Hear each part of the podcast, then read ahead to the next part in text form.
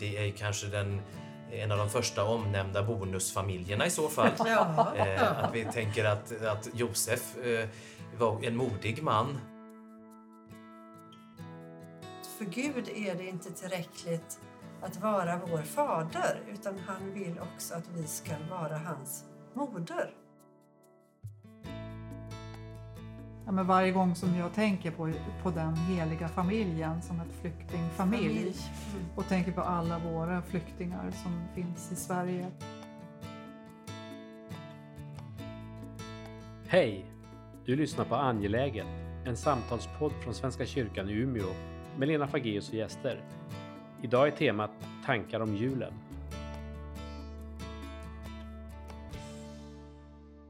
Då vill jag hälsa er välkomna tillbaka till vårt samtal om julen. Och jag tänder ljuset igen. Och låter det få, få brinna för vårt samtal och för alla er som lyssnar. Vi rörde oss kring traditioner och förväntningar och så i vår förra samtal. Och väldigt mycket för oss omkring julen handlar om familjen. Och jag tycker att det är väldigt spännande att också i bibelberättelsen så handlar det om familjen. Den heliga familjen.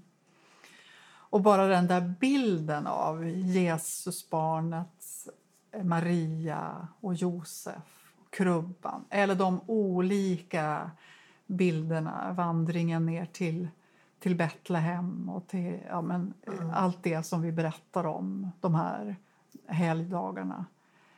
Um, men att det är någonting med den här berättelsen som gör någonting med oss. Mm. Och jag tror att det kan göra någonting med, med de flesta, även om man inte är så himla troende. Utan eh, bara det att det är en berättelse som bär in i våra liv på olika sätt. Men berätta gärna hur ni själva, vad det är som berör er i den, den berättelsen.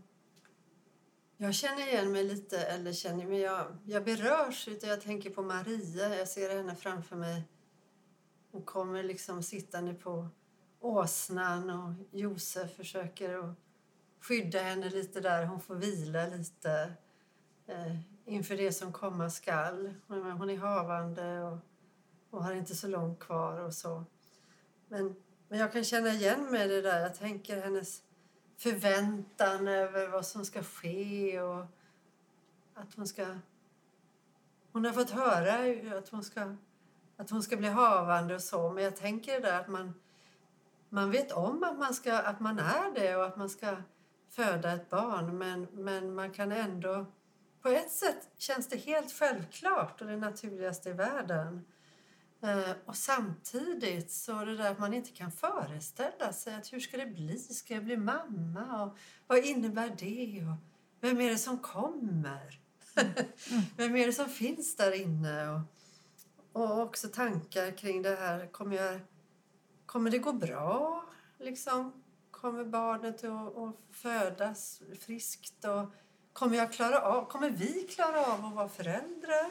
Kommer vi att räcka till? Kommer jag kunna finnas där och skydda mitt barn? Alltså både den där längtan och glädjen och förväntan och ljuset men också rädslan. Kommer jag räcka till och kommer jag kunna bli en god mor? Liksom? Att det är så dubbelt det där. Eh, Det är jättestarkt och fint att du beskriver, för du beskriver ju vilken mamma som helst tankar, eller hur? Och det är så jag ju. Ja, det där är Ja. ju inte bara Marias Nej. Tänk, utan det är allas, alla föräldrars tänkande. Ja, för Och- 2000 år sedan. Ja. Och idag. Ja. Och imorgon. Ja. Och för mig har ju det varit otroligt viktigt, att det går att spegla sig i den här berättelsen. Mm. Att när jag ser, eh, när jag ser Maria med, med barnet så, så kan jag också se...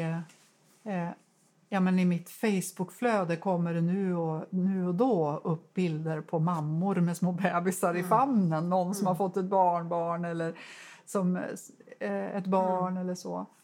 Och att det är som samma bild. Det tycker jag är så fascinerande. Att det är, vi kan spegla oss i bibelberättelsen och veta att det finns någonting, någonting som, som eh, mm, påminner om varann.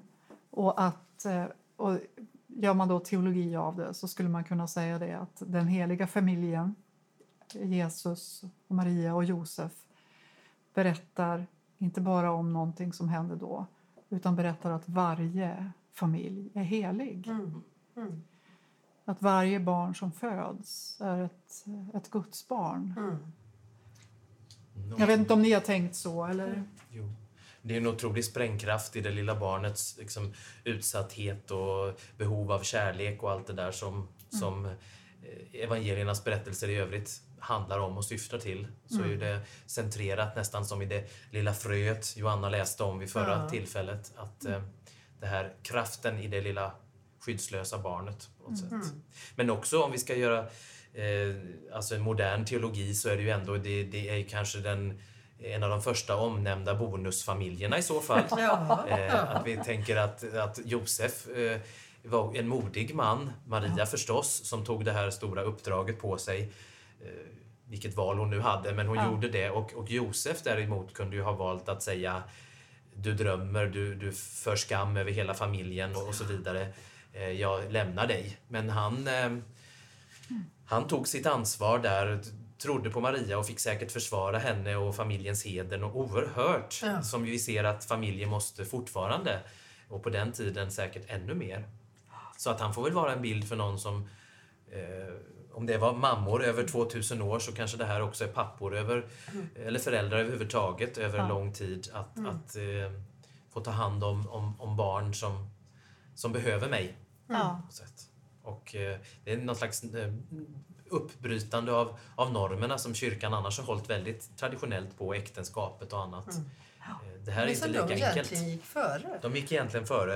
Eh, det är inget inlägg i för eller emot äktenskap, det är bara en, en Nej, men det är jättespännande. Ja. Jag, har, jag har faktiskt inte tänkt så mycket på Josef som bonuspappa. bonuspappa men, det, men, det, Spännande men det är otroligt. eh, Och då plötsligt så berör det väldigt många. Mm. För vi, det är väldigt många familjer som lever med, med eh, någons, någon, eh, barn som inte är ens biologiska barn. Ja. Så att det är... Ja, det är Ja, det är spännande. starkt. Nej, men jag, jag tänker lite som du sa, Lena, att, att eh, på något sätt, på ett sätt, så är vi då alla heliga familjer. Och, och på ett annat sätt så är vi ju alla så är vi ju alla gudsföderskor. Mm. På något sätt. Jag säger mer vad du menar när du säger så. Nej, men jag tänker att, att vi precis som Maria eh, föder, föder Guds barn och får, får öppna, och som du sa Mikael, vi öppnar våra armar för detta lilla eh, Skyddslösa barn, eller skyddslösa ska barnet som är helt beroende av oss. Eh, och, och, och på det sättet tänker jag symboliskt att, att vi alla som eh, som får ett barn till vår familj på, något, på ett eller annat sätt eller i, i släkten. Att vi, att vi på något sätt, att vi alla är en del av detta. Att, att, att vi ja, på något sätt är en, en Guds föderska. Jag vet att jag har en, en god vän som, som, som jag får citera som sa att för Gud är det inte tillräckligt att vara vår fader utan han vill också att vi ska vara hans moder. Mm. Så att jag tycker att det är en, också en stark symbolbild. Ja, alltså det, för mig så är det det som egentligen får hela julberättelsen att bara hisna. Mm. För, för, för mig har det alltid varit viktigt att tänka att Jesus är Gud. Mm, mm, Och att eh, Gud väljer att bli ett litet barn som ligger i en mammas, en förälders famn. Mm. Helt beroende, eller som du sa Mikael förut när vi förpratade, som du sa, att, han, att Gud dör utan vår kärlek. mm. Alltså då i den berätt, liksom bibelberättelsen, eller julberättelsen, ja men Jesus hade dött om inte Maria och Josef hade tagit hand om Jesus. Mm. Och om man tänker på det som nu, att det är så att vi föder vi föder liksom Gud hela tiden i Gång på gång. ja, gång på gång. Gång. Människan Och, som Guds avbild och allt det här. Vi Ja. tänker, ja. Mm. och att det finns någonting med att, att eh, om inte vår blick vilar på Gud så dör Gud. Ja. Alltså nu tror jag inte riktigt att Gud kan dö. Det är inte så, det är liksom inte en sån Nej, teologi. Men alltså att det är någonting med, med Gud som beroende av vår kärlek. Om vi tänker oss att en, en gud har det, eh, just ett banalt ord kanske välja, men det skulle finnas helt andra sätt att gripa in i världen Ja. eh, om jag fick tänka fritt Ja. än att låta mig födas som ett litet Ja. barn, i- ett hemlöst barn i ett stall Mm. någonstans. Ja. Eh, det är en otrolig kraft i det tycker jag. Ja. Mm. Ja, vad, vad sårbarheten, Ja. eh, alltså eh, gudsbilden av en, ett, ett sårbart barn, det, är- det är oerhört starkt. Så det finns så mycket i den här berättelsen. Men det är så lite konstigt egentligen då, för att ofta så talar vi om Guds sårbarhet och att Gud har gått före och Jesus går före i lidandet. Då pratar vi ofta om korsfästelsen. Mm. Inte Men det, är, men det är ju nästan aldrig vi pratar om födelsen Nej. i det sammanhanget. Nej. Som ett väldigt kritiskt ögonblick i livet, eh, Ja. tillblivelsen eller Ja. födelsen där, ja just det.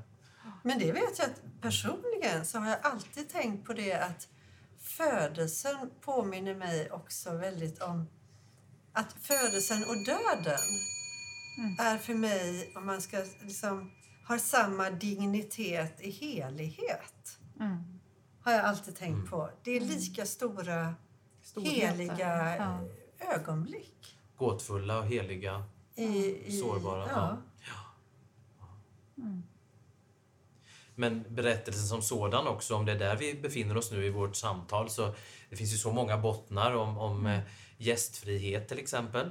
Och kan inte du berätta den där berättelsen om julspelet? Ja. Ja, Jag tyckte det var så underbar. Liksom reflexen som ändå finns. ja, Berätta. ja jo, men det, det, det är bra att berätta berättelser som andra har erfarit, inte bara utifrån sin egen eh, er- erfarenhet. Så det, absolut, det var en, jag tror det var en, en 8-9-årig flicka som skulle vara värdshusvärd, värdinna då i julspelet i församlingen. Och hon hade bara en enda replik då. Här finns inte rum. Då skulle den heliga familjen då knacka på och så skulle hon öppna. Här finns inte rum. Punkt slut. Och de övade och det gick bra. Hon kunde sin replik. Och när den här stora dagen kom, när det var fullt med föräldrar och, och syskon i salen där, så, så ägde julspelet rum och hon hade sin replik. Hon öppnade dörren. Här finns inte rum. Och så fylldes hon av liksom det här medlidandet med de här stackarna där ute. Att, men kom gärna in på en kopp kaffe. Och det, det säger mycket om ja, och hur det där, det där eh, ja, vi ska nog reda ut det här, kom in på lite kaffe. Alltså, man kan inte stå ut med att ni ska gå vidare och vidare och vidare. Men, men den här värdshusvärlden som till slut upplät då sitt stall gjorde ju det här möjligt. Det var en gästfrihet. Eh, Ja. Vem skulle våga släppa in okända människor i sitt garage idag? Liksom? Ja. Det, det, det är verkligen så. Och gästfrihet om vi tror att, att de blev eh, heliga familjen sen mottagna i Egyptens land och så som flyktingar och så vidare. Det är, det är en gästfri berättelse också och vad det kan betyda. Ja. Vad det kan förändra världen faktiskt. Ja, man skulle önska att vi kunde låta oss eh, präglas mer av den gästfriheten som de, de här personerna eh, berättas om. Eller ja, men Egypten. Vi vet ju väldigt lite om Väldigt Egypten. lite. Lång Men- tid egentligen men vi vet inte. Ja, men att de var tvungna att fly Mm. och var flyktingar då. Mm. Asylsökande Ja. i Egypten. Och blev ju uppenbart omhändertagna och Ja. kunde vara där tills de kunde återvända. Mm. Det är verkligen sådär, ja, men varje gång som jag tänker på, på den heliga familjen som ett flyktingfamilj Mm. och tänker på alla våra flyktingar som finns i Sverige Mm. eller som finns i gränsområdena i Turkiet eller i Grekland eller så och inte blir insläppta någonstans och i ett sånt gigantiskt lidande och där vi chakrar med, med Mm. ja, men, vår gästfrihet Mm. och synen på människan. Och, ja, tycker det är fruktansvärt. Ja. Men det är en bra Så. spegel att sätta upp att vi nu firar vi Påminna julen. sig ja. om den familjen, Ja. den lilla familjen. På Ja. väg. Mm. Och det finns ju så mycket, det stannar ju inte vid detta. Det är änglarna och det är herdarna på, som Ja. låg ute om natten där. Det är Mm. bilder Ja. som vi har med oss väldigt starkt, tror jag, de flesta av oss. Ja. Och eh, hur då eh, änglarna berättade för de enkla herdarna där ute som förmodligen var eh, Mm. analfabeter, vad du vill. Alltså hade de ett, ett föraktat arbete på många, hos många. Mm. Det var smutsigt och eh, dåligt betalt och allt vad du vill. Eh, det var de som först fick höra frid på jorden och så vidare. Mm. Ära åt Gud i höjden. Så att, Ja, det vänder upp och ner på en massa ja, saker. det gör det. Att det är liksom, ja, den, vem är det som är viktigast? Ja. Det är inte precis kungapalatsen man kommer Nej. till eller, eller det fina folket. Eller, Och det är de som ser stjärnorna först. Ja. det är det. ja. Mm. Hade de inte varit ute om natten hade de inte sett stjärnan. Nej, precis. Nej. Det rätt i.